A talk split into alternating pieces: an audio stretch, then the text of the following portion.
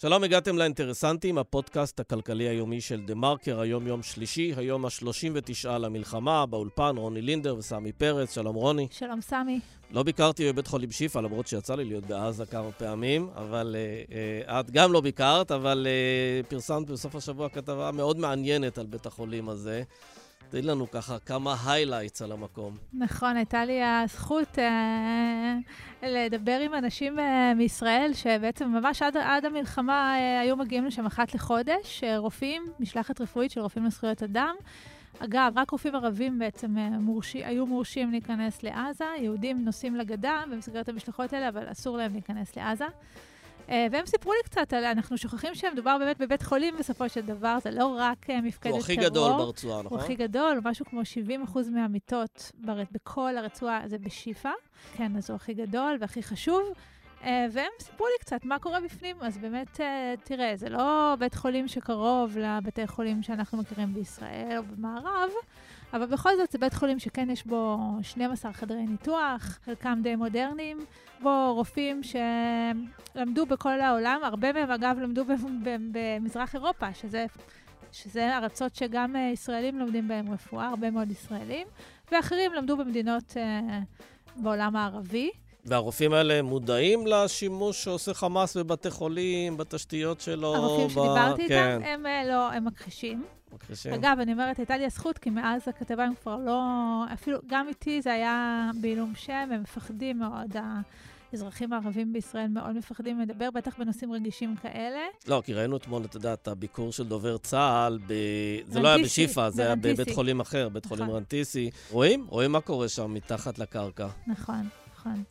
אז הם, הם באמת, הם, הם, הם לא, אף אחד מהם לא, לא אמר לי, כלומר, יותר נכון, הם אמרו לי שהם לא ראו שום פעילות חמאסית. הם באמת לא מגיעים כמובן לצרכים האלה, הם מגיעים כדי... הם באים לטפל בחולים. הם באים לטפל בחולים, הם באים לעשות את הניתוחים המסובכים שהרופאים המקומיים לא מכירים.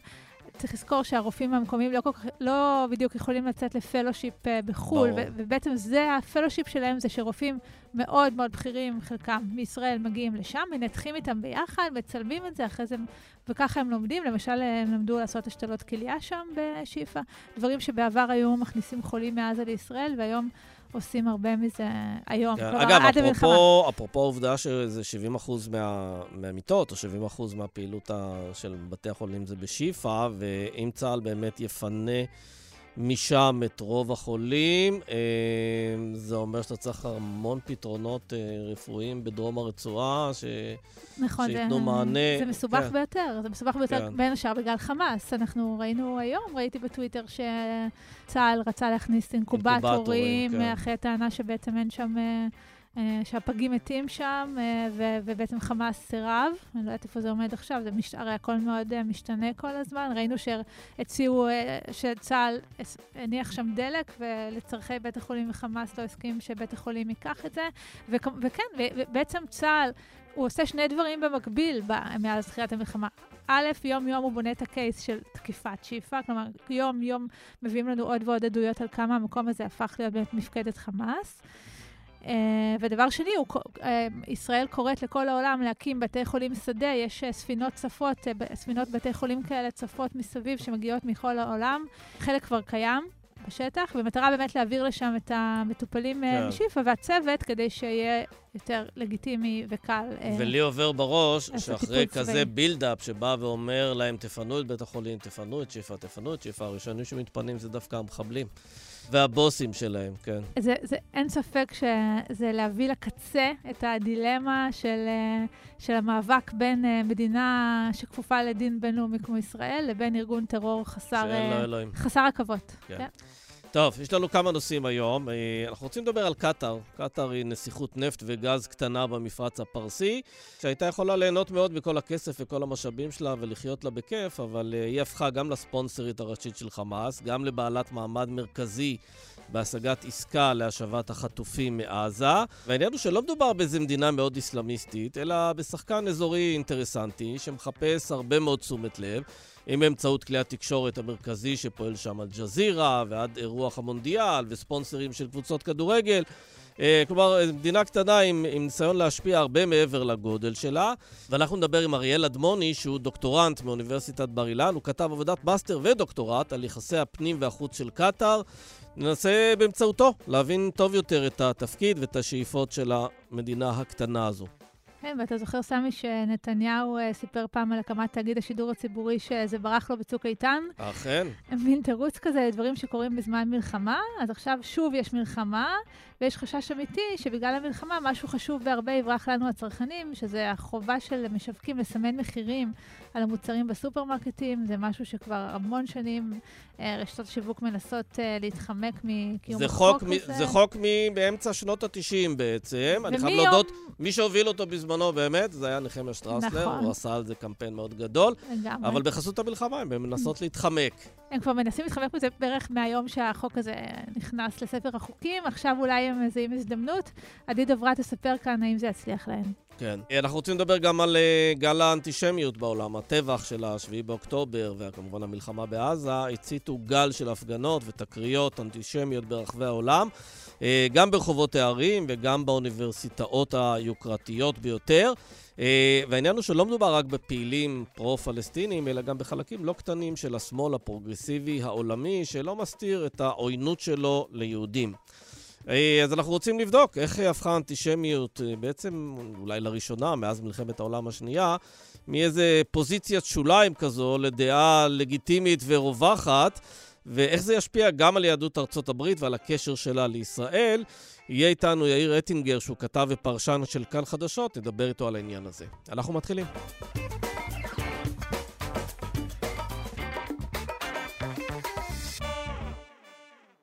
שלום לאריאל אדמוני. אהלן.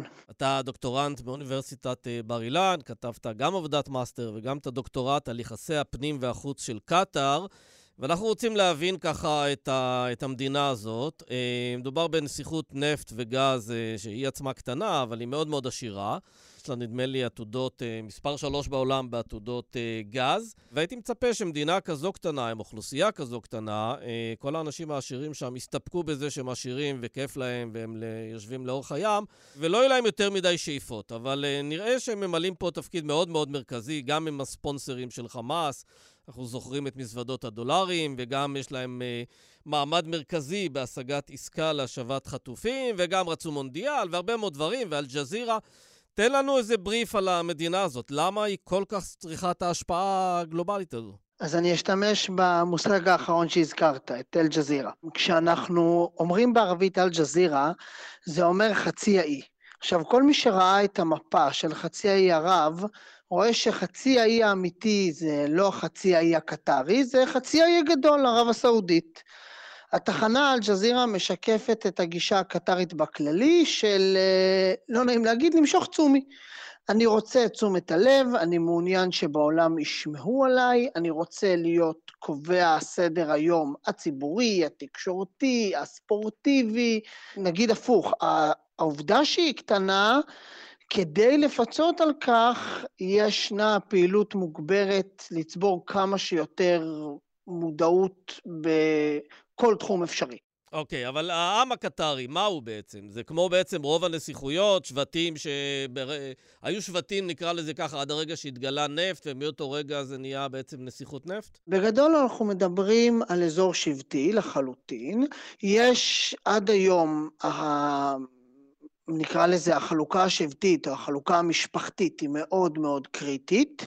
לצורך העניין, אה, מי שהוזכר בתור אה, ראשי המתווכים, אה, האמיר וראש הממשלה, היא משפחת הסאני, שזה המשפחה, משפחת השלטון, שבערך מ-1847 נהייתה קריטית באזור, אבל נהייתה בעלת השפעה מהרגע שמתגלה שם נפט במהלך מלחמת העולם הראשונה, וגז בסוף שנות ה-90 1990 בערך, סוף, שדה הגז הראשון הוא 1988.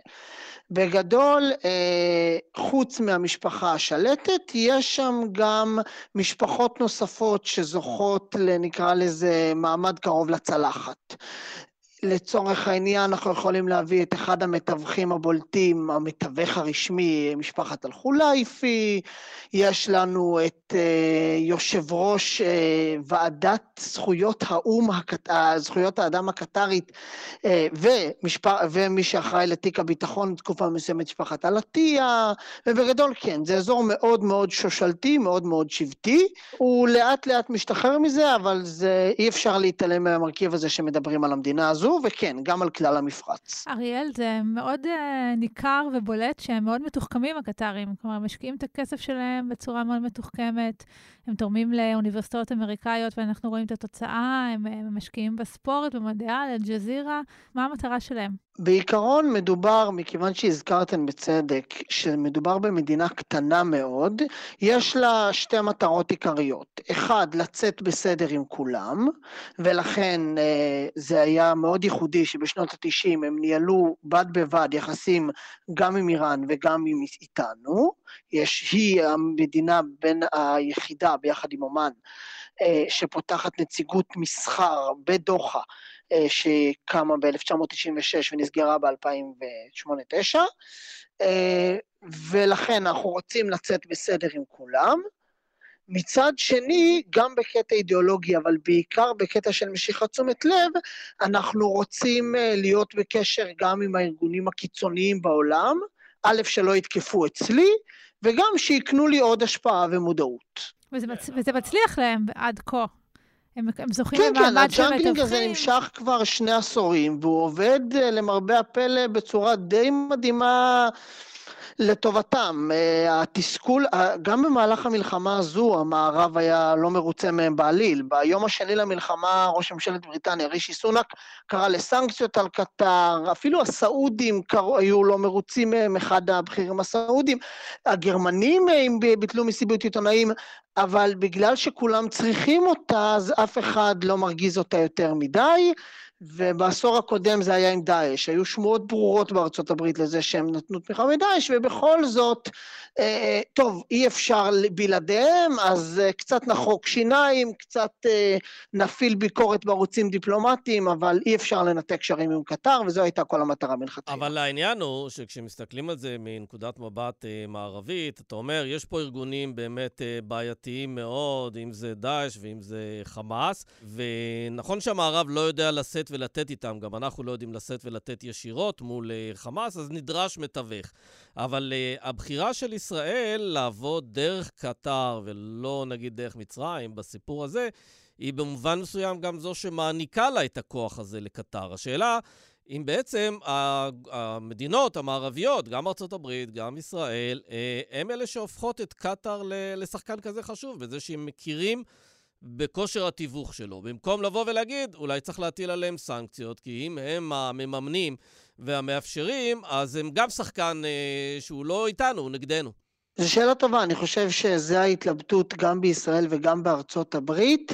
למה בסופו של דבר הייתה הכרעה לא אדבר כמובן בשם אה, קובעי מדיניות, אבל אני חושב שהסיבה של גם ארצות הברית, גם ישראל, להכריע בסוף לשתף איתם פעולה, הייתה המחשבה השגויה שאפשר למנף אותם לטובתנו. אה, ניקח דוגמה דווקא לא ישראל חמאס. לצורך העניין, ארצות הברית משתמשת בקטר בתור הנציגות לתקשר עם הטליבן.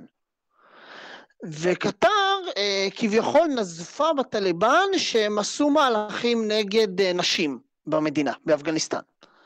וכביכול זה לא רק להלבין את קטר, זה גם להלבין את התמיכה האמריקאית בהסכמה לקטר. אז יש איזו תקווה, אני חושב, גם בישראל וגם בארצות הברית, שאם נשתמש בהם זה יעבוד לטובתנו, לצד החשש שאם נמדר אותם, וזה מאוד הגיוני, הם ינסו להזדחל בכל זאת. לא, אבל במסגרת, מה שנקרא, כל הקונספציות שנשברו פה באירוע המזעזע הזה שקרה אה, ביישובי הנגב המערבי, יכול להיות שמדינת ישראל צריכה לשקול גם את השאלה של אה, מהי התפיסה לגבי קטאר, ואגב, ראיתי בעניין הזה מאמר של יושב ראש מפלגת העבודה לשעבר, אבי גבאי. הוא אמר שבעצם אם אה, קטאר תרגיש מאוימת, אז יהיה לה יותר מוט... מאוימת על ידי ישראל, על ידי ארה"ב, יהיה לה יותר מוטיבציה לבוא ו... אה, ולפתור את משבר החטופים. כרגע היא עושה את זה מאיזו עמדת כוח, של היא זו שיודעת אה, לספק את הסחורה לכולם. ההנחה שארצות הברית תיישר עם ישראל קו במקרה של לחץ על קטר היא לא מחויבת המציאות. האמריקאים צריכים את קטר גם בלי הקשר אלינו. הם צריכים אותם לתקשורת שלה עם איראן, הם צריכים אותם בגלל שהם מארחים את הבסיס האמריקאי בדוחה, הם צריכים אותם גם בגלל הגז. צריך לזכור שאנחנו לא בחלל ריק פה. יש לנו uh, על רקע מלחמה בין רוסיה לאוקראינה, הרבה מאוד ממדינות המערב הלכו להסתמך uh, על הגז הקטרי במקום על הגז הרוסי. גרמניה הדוגמה הבולטת. זאת אומרת, לקטר יש אה, אה, נכס אדיר אה, ביחס למה שהיא יכולה להשפיע על ארצות הברית, ואני עוד לא מדבר על ההשפעה שלה גם בתוך ארצות הברית במימון מכוני מחקר ואוניברסיטאות. אה, בסוף, כשמדברים על השפעה במערב של קטר, צריך לזכור גם את האספקט הזה, וצריך להוסיף עוד משפט. המימון הקטרי לחמאס לא נמצא לבד, זאת אומרת, איראן היא הדוגמה הבולטת, גם לה יש מימון אדיר, זאת אומרת, להניח שחמאס בלי קטר הוא לא גוף מתפקד, אינני מומחה לחמאס אז אני לא אתבטא, אבל אני רק יכול להגיד שקטר היא רק חלק משיקולי התקציב. כן. על מה אתה עושה את הדוקטורט? מה, מה התזה? הדוקטורט שלי עוסק בזהות האסלאמית של קטר. ומה? היא לא כזו איסלאמיסטית אה, כמו לא, שהיינו מצפים. לא, היא לא כזו איסלאמיסטית. היא משתמשת בגופים האסלאמיסטיים בעיקר כדי לקדם את עצמה, אבל... אה, הדת שלה זה, ש... זה גז, נפט ודולרים? גז נפט דולרים זה דרך אחת, אבל צריך להגיד את האמת, הם, הם, הם מצאו טוב את מה מעניין את המערב, והצליחו להתחבר לטרנדים אה, בינלאומיים. רק לפני יומיים הבנק הקטרי המרכזי הודיע על זה שהוא הצליח אה, אה, לקדם את מיזמי הקיימות שלו ולקצץ בשליש, אם אני לא טועה, את כמות הפסולת שהוא מוציא לאוכלוסייה. זו דוגמה אחת מינורית לזה שהקטרים הצליחו למתג את עצמם מצוין בכל מיני מאבקים גלובליים בצד המערבי והנכון. פורבס כינה אותם לפני כמה שנים בתור האביר הירוק במלחמת האקלים.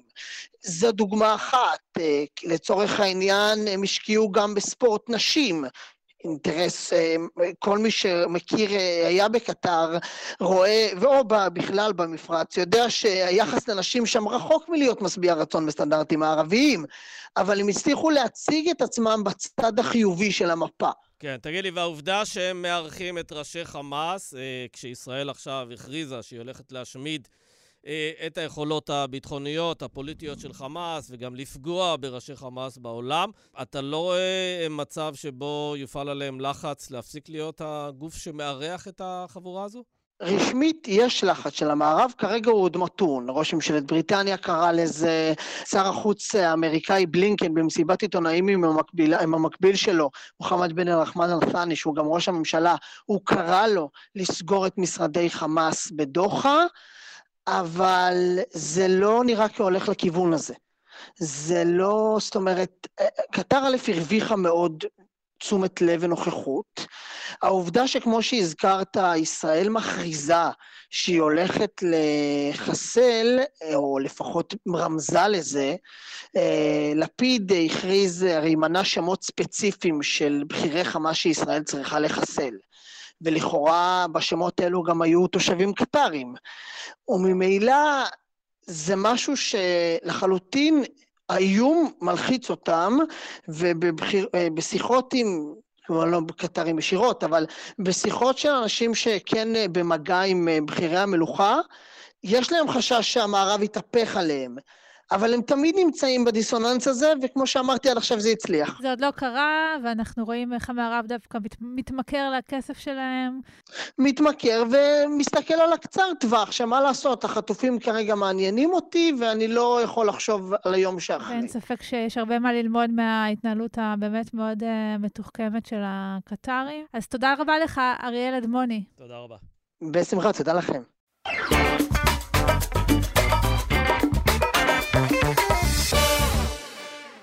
שלום לעדי דוברת. שלום רוני, שלום סמי. אהלן. כתבת דה מרקר ופרשנית ומומחית לעולם הקמעונאות. אז מלחמה היא ממלכת ניצול ההזדמנויות, והפעם נראה שרשתות השיווק עושות לנו שיטת מצליח על סימון מחירים. זאת חובה שהן לא אוהבות כבר הרבה מאוד שנים, אולי יש פה הזדמנות בשבילן? כן, אנחנו בהחלט עדים לשיטת מצליח, ולא רק uh, מקרב uh, רשתות השיווק, אנחנו רואים את זה גם uh, uh, אצל הרבה גופים עסקיים בעצם, שהם עכשיו uh, אומרים, אוקיי, זה זמן לחימה, ואני כמובן לא מזלזלת באתגרים שעומדים לפניהם, אבל הם אומרים, בעצם פונים לרגולטורים שאחראים אליהם, ואומרים, בואו אה, נבטל אה, בירוקרטיה או חוקים פרו-צרכניים, תיתנו לנו הקלות או תבטלו אותם לגמרי לתקופת המלחמה, לחודשים הקרובים. כמובן שהרבה פעמים אלה כל מיני חוקים שהם רצו גם ככה לבטל במשך הרבה שנים ונלחמו על, על ביטולם, וכעת זה באמת בדיוק מתאים. הכוונה, כמובן שהם מייחלים שהזמני יהפוך לקבוע, מה שיבוטל לכמה חודשים, יישאר מבוטל גם אחרי זה. דוגמה טובה זה הסיפור של אה, סימון המחירים על גבי המוצרים. בעצם כשהתחילה המלחמה, הרשות להגנת הצרכן ולסחר הוגן במשרד הכלכלה, הם בעצם אמרו, אנחנו אה, אה, לא מחייבים יותר את אה, רשתות המזון והפארם לחייב את ה... לסמן את המחירים על גבי המוצרים עצמם, רק יהיה שלט מדע. אבל זה חוק, עדי, זה חוק, זה לא איזה תקנה שפקיד יכול לבטל. בסדר, אז, אז בזמן מלחמה אפשר לעשות הוראת שעה. אתה יכול להגיד, אני לא אוכף, אני לא אוכף את זה, כן. מצאו את הדרך. נכון, בדיוק, נכון. אם אתה מדייק את זה מבחינה משפטית, הם אמרו, אנחנו לא אוכפים את זה. מה זה אומר? לא ניתן קנסות, לא זה, בעצם, ומאז שזה קרה, זה מה שאנחנו רואים ברשתות. כלומר, אם תלך עכשיו אה, לסופר ליד הבית שלך, אתה לא, סביר להניח שלא תמצא מחירים על גבי המוצרים. לא, לא, אין מחירים על המוצרים. וגם לא חלק מהמדפים. עכשיו, למה זה, ממה זה נבע? זה התחיל ממטרה טובה, כאילו, הגיונית כביכול, כי באמת היה מחסור מאוד גדול בעובדים בתחילת המלחמה, אה, בעיקר אה, עובדים אה, ערבים שלא הגיעו לעבודה או שלא יכלו להגיע.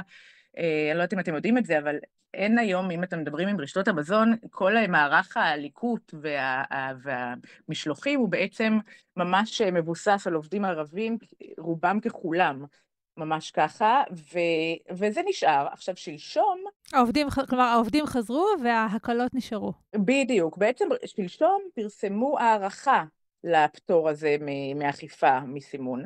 אה, הרשות פרסמה איזושהי הערכה, למרות שאם הם היו מבררים, הם היו יודעים שבעצם העובדים כבר חזרו. אני דיברתי אתמול עם, עם כמה רשתות אה, מזון גדולות, והם אמרו לי, כן, העובדים אה, חזרו, אין בכלל בעיה כמעט, גם העובדים הערבים, גם לא הערבים, כלומר הבעיה נגברה, אז שאלתי אותם, אוקיי, אז למה אתם ממשיכים לא לסמן את המחירים על גבי המוצרים? אומרים לי, לא, כי זה גם ככה לא משהו חשוב, וגם ככה אנחנו לא רוצים את זה, וגם ככה פה, ואמרתי להם, אוקיי, ולמה... אגב, אני הייתי מצפה, אבל, שבעניין הזה, אם אתם אומרים, תשמעו, אין לנו עובדים שיכולים עכשיו לסמן את המחירים, אנחנו לא מסמנים את המחירים, זה אומר שאתם חוסכים גם את התשלום לעובדים, אז תורידו מחירים, אבל בפועל, בגלל שלא מסמנים, הם מעלים את המחירים.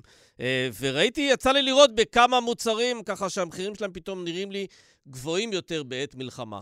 או פחות מבצעים? לא רק, לא רק, אה, זה לא רק תחושה שלך, סמי, כי בעצם גם משרד הכלכלה עצמו, שהוא זה שהרשות שתחתיו בעצם אפשרה להם את הפטור הזה מסימון, גם הם פרסמו השבוע מצגת אה, מאוד ארוכה, שאחד השקפים שלה מלמדים על עליית מחירים ברשתות המזון מאז תחילת המלחמה. למה זה, למרות שאין סימון, למה זה קורה? אה, תמיד יש סיבות, תמיד, תמיד, תמיד הקמעונאים ימצאו סיבות להעלות מחירים. אגב, זה קורה מסיבה פשוטה, יש יותר ביקוש, אנחנו לא הולכים כמעט אה, לבלות ולמסעדות וכולי, אנחנו בבית יותר, אה, אנחנו מבשלים יותר, אנחנו קונים יותר, אנחנו מבקשים יותר, אז גם הם דורשים יותר. וגם לא צריך לסמן מחירים, אז זה יותר קל. והם אומרים שהיבוא יתייקר. תמיד יש סיבות להעלות מחירים, ואנחנו תמיד uh, פוגשים אותן. אני לא ראיתי אף המצב שהמחירים uh, יורדים, אוקיי? גם עוד לפני המלחמה כולנו זוכרים שאנחנו נכנסנו ל... למלחמה הזאת היא בעצם באווירה של אה, יוקר מחיה והקמת אה, אה, ועדה בנושא ולבדוק איך אנחנו באמת מוצאים, מוצאים לפה כל מיני רפורמות שפותרות את הבעיה של הריכוזיות הזאת בענף המזון שמשפיעה על כל אחד עם מחירי שיא בסופרמרקטים ואם נותנים איזושהי הקלה ואיזשהו פטור מחוק שהוא פרו צרכני מאוד חשוב אז כדאי באמת לשים לב שזה פטור שהוא, שהוא מידתי, שהוא מאוד זמני, לבדוק אותו, להיות כל הזמן עם היד על הדופק. אה, במשרד הכלכלה אמרו בתגובה שהמועד של הפטור, אה, הארכת הפטור הוא יתום בסוף השבוע הזה.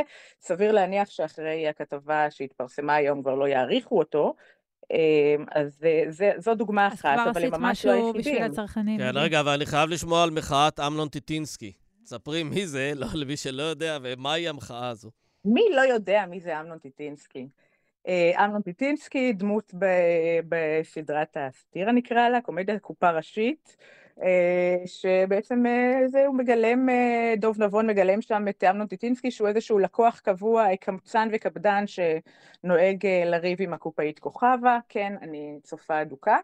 אמ, ובעצם המחאה הזאת אומרת, היא מחאה שנולדה כמו כל המחאות בימים אלה ברשתות החברתיות, והיא אומרת בעצם, בואו נעשה מחאת טיטינסקי, נטריל את הרשתות, נבוא עם מוצרים לקופה ולעובדים ונשאל מה המחיר, כי הרי אין סימון של מחיר על גבי המוצר, והרבה פעמים גם אין על המדף, ונתחיל לשגע אותם, נשאיר את המוצרים שם, עד שהם יתייאשו ויחזרו לסמן את המחירים על גבי המוצרים. נו, וזה צובר תאוצה? כאילו, המחאה הזו עובדת? ברשתות אמרו לי שהם לא ממש מרגישים את זה, זה לא משהו שכרגע מפריע להן. אה, אתה יודע, גם כל עוד הם יכולים לא לסמן, והמחירים יכולים להמשיך לעלות, יחזירו להם קצת מוצרים, זה נחמד, זה גימיק, זה בטח לא יעצור אותם מלהילחם, יש אה, בעיה אחת עם המחאה הזו, היא דורשת אה, הרבה זמן פנוי, כלומר, אתה צריך להתעסק עם זה. כן, נדמה לי שלאמנון טיטינסקי יש הרבה זמן פנוי. בסוף זה גם להציק לקופאיות המסכנות, כן, מה, מה זה אשמתן. כן, רגע, כן. אז אנחנו רואים עוד מחטפים בימים אלה ברשתות השיווק כתוצאה מה... אה, כן, יש את, יש את העניין של הסדרנות בעצם. חוק המזון מ-2015 קבע... הוא הרי, כל הסיפור היה ליצור איזושהי אה, אה, כללים ורגולציה על מערכת היחסים בין הספקים לקמעונאים, כי לפני זה הם היו עושים כל מיני שטיקים וטריקים, והמחירים היו עולים, והיה שיתוף פעולה בין הספקים הגדולים לקמעונאים הגדולים. ואחד מהסעיפים בחוק המזון אומר בעצם, הספקים הגדולים לא יכולים לסדר את המוצרים שלהם על המדפים של הרשתות. זה נבע מאותו היגיון שלספקים הגדולים יש מערך סדרנות, הם מעסיקים סדרנים שיכולים כל היום להיות בסופר וקצת לגנוב סנטימטר פה, להעביר משם, לשים את עצמם במקום יותר בולט, וליצרנים הקטנים אין את הפריבילגיה הזאת. ובעצם לכן אה, אה, נוצר החוק הזה. אה, רשתות המזון כבר שנים נלחמות בסעיף הזה, הן טוענות שאם הם יצטרכו בעצמם לסדר את המדפים ולא הספקים יסדרו, אז הספקים יפטרו את המלקטים אה, ועוד כל מיני טענות כאלה ואחרות. כלומר, תמיד יש סיבה, אוקיי? אם צריך לסמן מחיר, אז הם יצטרכו עוד עובדים, אבל אם הם לא יצטרכו לסדר, אז הם יצטרכו פחות עובדים, וזה גם לא טוב, כי אה, הם יצטרכו יותר, אבל ספקים פחות, וזה לא טוב כי עובדים יפטרו. כלומר, תמיד יש סיבה, אפשר למצוא סיבה שתצדיק את מה שהם כן. רוצים. אה, ובעצם אה, הם הצליחו לקבל כמה שנים פטור מהסיפור הזה, ועכשיו סוף כל סוף זה היה צריך להיכנס לתוקף. ורשות התחרות התחילה המלחמה, ורשות התחרות אמרה, לא, אנחנו בעצם אה, נדחה את ההתחלה של, את ההכלה של הסעיף הזה בחוק, ניתן להם אה, להמשיך לספקים הגדולים לסדר את המוצרים, ולא רק זה, אנחנו גם מאפשרים לספקים הגדולים עכשיו, בזמן המלחמה, לסדר את המוצרים של הספקים הקטנים, אוקיי? כלומר, אם תנובה או שטראוס וכו', הם יכולים לסדר גם את המוצרים של המתחרים שלהם על המדפים. Uh, כמובן שברשות התחרות אומרים שזה לפי הפלנוגרמה, לפי הסידור שהקמעונאי מעביר להם צריך להיות uh, הסידור, אבל עדיין, אנחנו רואים פה שוב ושוב איך, uh, איך דורכים ממש על יוזמות. עדי, לסיום, אנחנו מאוד רוצים שעדיין, שהמוצרים בסופר יסומנו עם מחירים. מה, מה נדרש לעשות כעת ועל מי צריך להפעיל את הלחץ? אני חושבת שכרגע, אלא אם כן כמובן שהמלחמה תתרחב עם חזית צפונית ולא יהיו שוב עובדים, אני חושבת שכרגע העניין של הפרסום אה, כן אה, אה, תפס בעצם את תשומת הלב של משרד הכלכלה והם לא יאשרו עוד, שהם כרגע לא יכריזו הערכה נוספת של הסיפור הזה, אבל כן זה משהו שהרשתות מקדמות כל הזמן ונראה ששר הכלכלה תומך קשוב, בו. קשוב, קשוב אה, להם. בהפקת הסימון על גבי כן. המוצרים. אני האמת הייתי מציעה שאם רשתות המזון אומרות שזה יביא להוזלת מחירים, אז באמת שיוכיחו. שייתנו להם לא לסמן, ובואו, נכון. לא, שיוכיחו, אבל ממש, אתם אומרים זה יוזיל בשלושה ארבעה אחוזים, ממחר בבוקר אנחנו רוצים לראות את כל המחירים בסופר יורדים בשלושה ארבעה אחוזים. כן. אני בטוחה, בטוחה, בטוחה שהם לא יסכימו להתחייב לכזה דבר. ובינתיים את מראה שמשרד הכלכלה מראה בדיוק ההפך, אה, שהמחירים רק עולים. כן, ואני תוהה מה משרד הכלכלה עושה בזמן מלחמה כדי להקל פה על הציבור שבאמת uh, כבר מתחיל uh, להרגיש uh, חזק מאוד בכיס שלו את מחיר המלחמה. את צודקת מאוד, ואנחנו צריכים לצאת מהמלחמה, אתם יודעים, למצב שהוא יהיה מאוד מאתגר כלכלית, ואנשים באמת יצטרכו להתמודד פה, יש לנו אה, אנשים בחל"ת, ואנשים שאיבדו הכנסות, ופונו מהבתים שלהם, ואני חושבת שמחירים גבוהים יותר, זה בטח לא הדבר שהם צריכים אה, לצאת אליו מהמלחמה הזאת. כן. כן. עדי דוברת, תודה רבה לך. תודה לכם, יום טוב. תודה.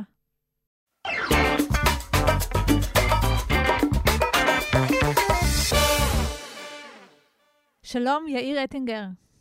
שלום רוני וסמי. אהלן. כתב ופרשן כאן חדשות. אז יאיר, אני מודה שאני צופה די באובססיה מאז ה-7 לאוקטובר, בסרטונים בטוויטר של הפגנות פרו-פלסטיניות ופרו-חמאס בכל בירות המערב.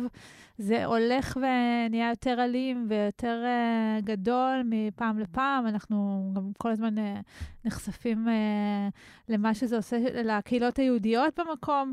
ואתה כותב, לראשונה מאז מלחמת העולם השנייה, אפשר במערב להיות גם אנטישמי וגם לחשב בן תרבות.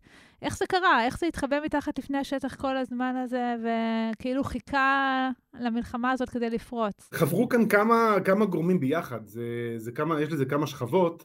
אני חושב שמי שעוקב אחרי, בואו בוא נתמקד רגע בארצות הברית. מי שעוקב אחרי ארצות הברית, אז בקרב ה, למשל היהודים הליברליים, ונדמה לי שבכלל בתוך ה, המפלגה הדמוקרטית, או החוגים היותר אה, בצד השמאל של המפה, יש דיון בשנים האחרונות על שאלת האנטישמיות. ונגיד מי יותר מטריד, או מה יותר מטריד, האנטישמיות מימין או האנטישמיות משמאל. מה זה אומר? שבשבועות האחרונים מקבלים, מקבלים איזושהי תשובה די ברורה לשאלה הזאת. קודם כל שניהם מטרידים, שניהם תמיד היו מטרידים, אבל מה שקורה עכשיו הוא מאוד מעניין כי נחשף משהו באנטישמיות של השמאל. אה, והרבה מאוד דוברים תמיד אמרו רגע רק שנייה לא כל אה, ביקורת על ישראל או לא אפילו לא כל אנטי ישראליות היא גם אנטישמיות. וכרגע מה שקורה זה שדווקא החוגים האלה החוגים האקדמיים החוגים המשכילים הם חברו לגורמים אחרים שיש להם אינטרסים אחרים כמו למשל מהגרים כמו למשל אפריקן אמריקאנס כמו למשל אה, אה, סתם אמריקאים שבא להם לא טוב בעין או יש להם ביקורת או נמאס להם לשמוע כבר לישראל או יש להם כל מיני אה, אה, חבויים כל מיני אמירות, אמיתות או טענות על היהודים אז הדבר הזה מתפרץ עכשיו בצורה מאוד, באמת שאי אפשר כבר להתעלם ממנה והוא מתפרץ באמת בעיקר בצד השמאלי של המפה. אז זהו, אני רוצה, דווקא בגלל שאתה אומר שזה בצד השמאלי של המפה, אני תוהה, האם קל יותר להיות אנטישמי כשממשלת ישראל הנוכחית נחשבת לקיצונית מאוד, יש בה את סמוטריץ' ובן גביר, שביידן לא היה מוכן אפילו לפגוש אותם, לא הוא ולא השרים שלו. כשלממשלה הספציפית הזו אין מערך הסברה, אני אפילו לא יכול להגיד שהוא כושל, אין לה אבל מערך הסברה נורמלי. אז uh, אנחנו מראש מגיעים לסיטואציה הזאת עם uh, שתי ידיים קשורות או שתי רגליים קשורות, ואז קל יותר להתנגד אלינו. יכול להיות שאם הייתה פה ממשלה, נגיד, יותר מתונה, יותר, אה, אתה יודע, ליברלית וכולי, זה היה יותר מסובך? שני חלקים לתשובה שלי. כשעלתה הממשלה הזאת לפני שנה, במובנים רבים זה היה חלומו הגדול של השמאל הפרוגרסיבי היותר רדיקלי. כי הם אמרו, הנה, רק שנייה, שנים אנחנו אומרים לכם שמדינת ישראל היא מדינה גזענית, והנה עכשיו ההוכחה, זה הכל, זה גלוי לגמרי, יש לכם את סמוטריץ' ובן גביר, הם בעצם הדוגמנים, נערי הפוסטר של מה שאנחנו טענו תמיד שקיים. אתה אומר בעצם זה אנטישמיות רדומה, שפשוט הופעלה ברגע שהממשלה הזו הוקמה ו...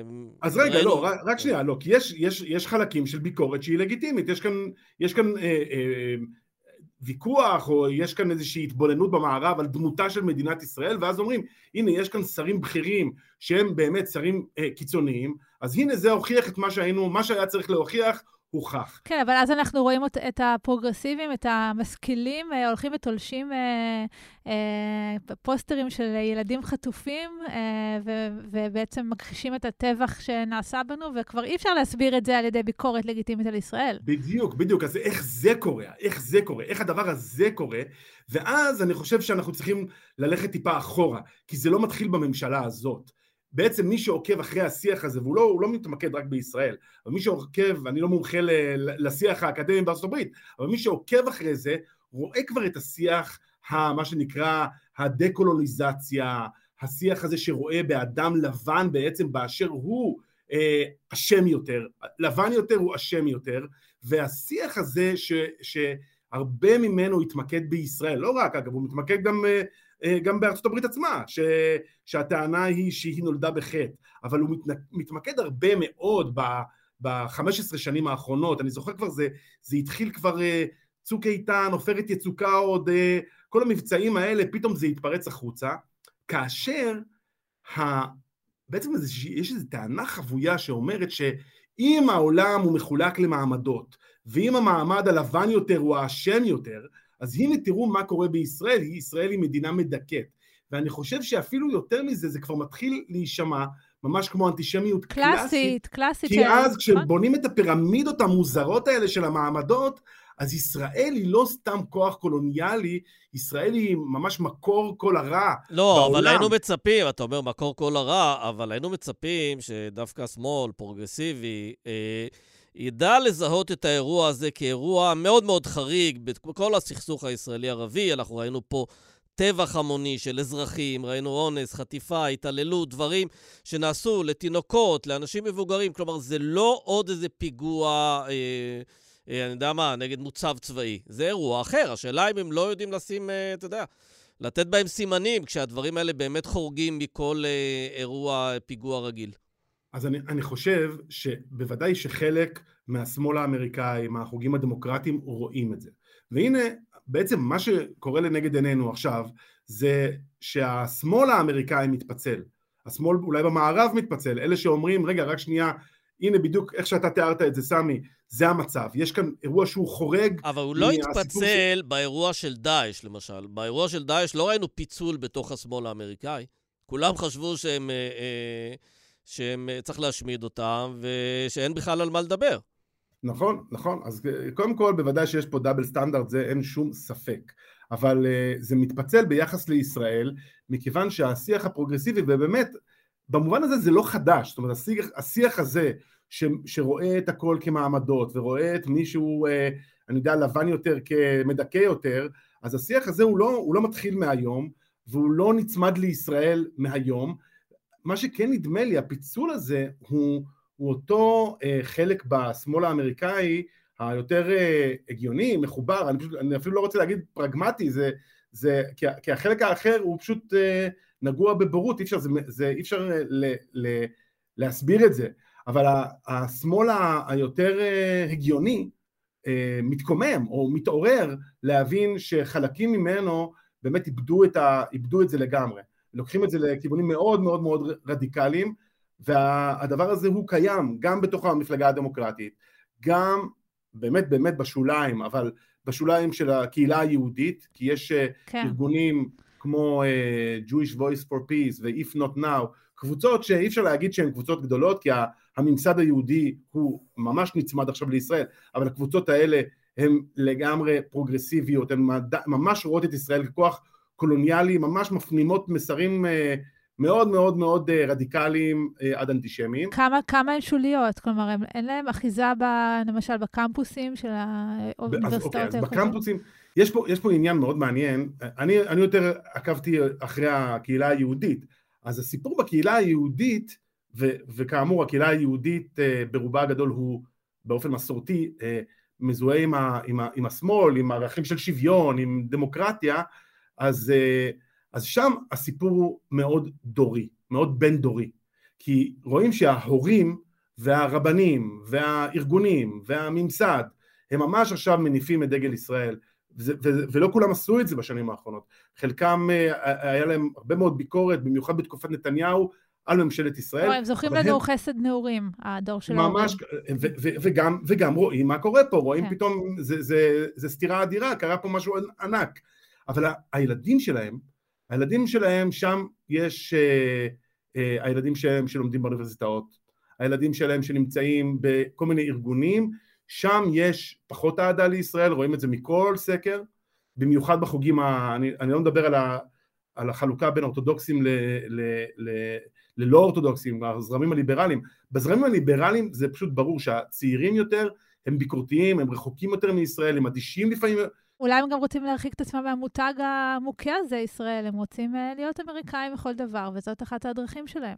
נכון, ו- ו- ונדמה לי, בגלל שהמלחמה הזאת גוררת את יהודי ארצות הברית ממש, ולא רק יהודי ארצות הברית, יהודי, יהודי כל העולם, גוררת אותם פנימה אל תוך העימות הזה, אז הרבה מהם, אה, או אני חושב שזה מה שיקרה בסוף, אני סתם מנחש, הרבה מהם יגידו, רגע, זה לא רק ההזדהות עם ישראל, למה לי בכלל להזדהות כיהודי? אם אני חייב ללכת לבית ספר, אה, לדיי סקול שלי, אפילו אם הוא רפורמי, או ללכת לבית כנסת ויש שם ניידת באופן קבוע וזה מסוכן, ואני מעריך שאולי זה מסוכן להיות יהודי וזה גם שנוי במחלוקת להיות יהודי, אז, וממילא זה לא כזה חשוב לי, אז למה שאני אמשיך עם זה? כלומר, זה לא בהכרח, אה, זה לא בהכרח, אה, כמו שהרבה אנשים פה חושבים, שזה יעשה גלי עלייה וכולי, זה, זה יכול לפעול גם לגמרי הפוך. כלומר, זה יכול להרחיב. או גם וגם.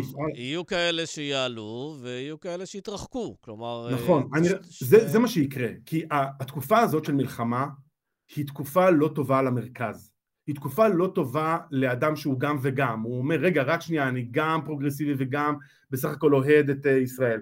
אנחנו מדברים פה על תהליכים, כן, שיקחו עוד זמן, אבל אני יכול לשער, אם להסתכל על ההיסטוריה היהודית, ש, שהזמנים האלה הם לא זמנים טובים להיות באמצע, להיות uh, כזה מין גם וגם, או לשבת על הגדר, אתה, אתה צריך לקחת צד. אז כן, אז יהיה את הצד הזה, גם כן. שיעלה לישראל, ואלה שלא יעלו לישראל... תגיד לי, אם אנחנו עכשיו מקימים נבחרת חלומות של uh, מסבירנים uh, ישראלים טובים, אה, לצורך העניין אנחנו פותרים את, אה, נגיד, את נתניהו מלהיות ראש ממשלה ושולחים אותו רק למשימות הסברה ומצרפים לו את לפיד ואת בנט ואת ציפי לבני, את מי שאתה לא רוצה, ועוד 100 סטודנטים תותחים ומוכשרים. זה יכול לעשות משהו? כלומר, האם יש פה גם עניין רק של, עניין של הסברה שיכול לשחק תפקיד בעצירת הגל הזה? אני אגיד לכם, אני חושב שקודם כל הסברה זה מאוד חשוב, ולא הייתי מרפה, אה, לא מוריד את הרגל מהגז של ההסברה לרגע.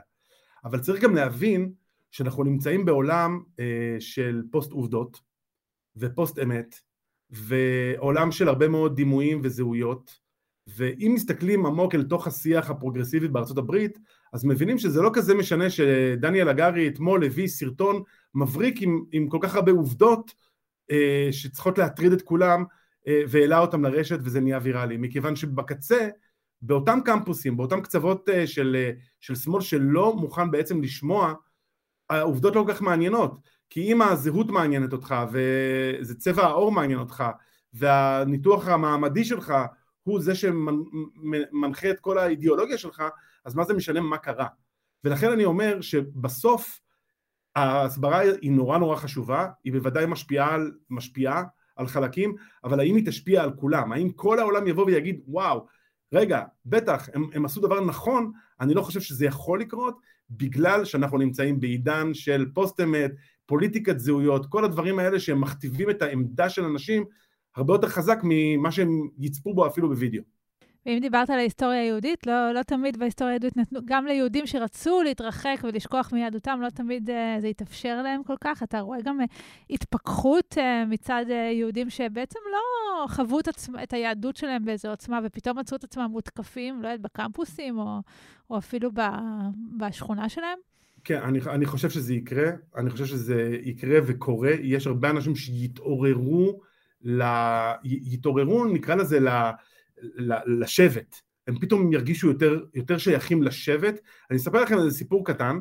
אה, אה, אה, אני הייתי בארצות הברית כשהיה את הפיגוע בבית הכנסת בפיטסבורג, עץ החיים, וזה היה אירוע אנטישמי שכמותו לא ראתה אמריקה, ואתם יודעים שהזרמים בזרמים, בזרמים הליברליים יש נישואים מעורבים, יש יהודים ולא יהודים, ואני שמעתי ממישהי שהייתה חברה באיזה קבוצת וואטסאפ, לא חשוב, אה, שאנשים ונשים שהיו נשואים ללא יהודים, אבל עדיין יש להם איזו קבוצת התייחסות יהודית, פתאום אמרו, רגע, רק שנייה, הזמנים האלה של איום, של סכנה, גורמים לי להרגיש שבן הזוג הלא יהודי שלי לא כל כך מבין אותי, אז עכשיו אני צריך איזו קבוצת תמיכה יהודית. ואני לוקח את הרגע הזה של החזרה לשבט, חזרה לשבטיות, כאיזשהו, נדמה לי בזעיר אנפין, זה מה שקורה, יקרה עכשיו. הרבה אנשים ירגישו את השבטיות נורא נורא חזק, וכל זה לצד מה שאמרנו, אותם אנשים שיגידו, רגע, בעצם למה בכלל העניין הזה של להיות יהודי, או אולי בכלל ישראל אשמה? אז יהיו כאן באמת השלוש קבוצות האלה של האדישים, היותר ציונים או יותר יהודים, יותר שבטיים, ואלה שיגידו, היי, בוא, בוא נמשיך בתהליך הנוח הזה של היטמעות באמריקה, אנחנו בכלל אמריקאים ולאו דווקא יהודים. כן. אין ספק, אה, זמנים היסטוריים גם אה, ליהדות העולם. תודה רבה, יאיר אטינגר. תודה רבה. תודה חברים.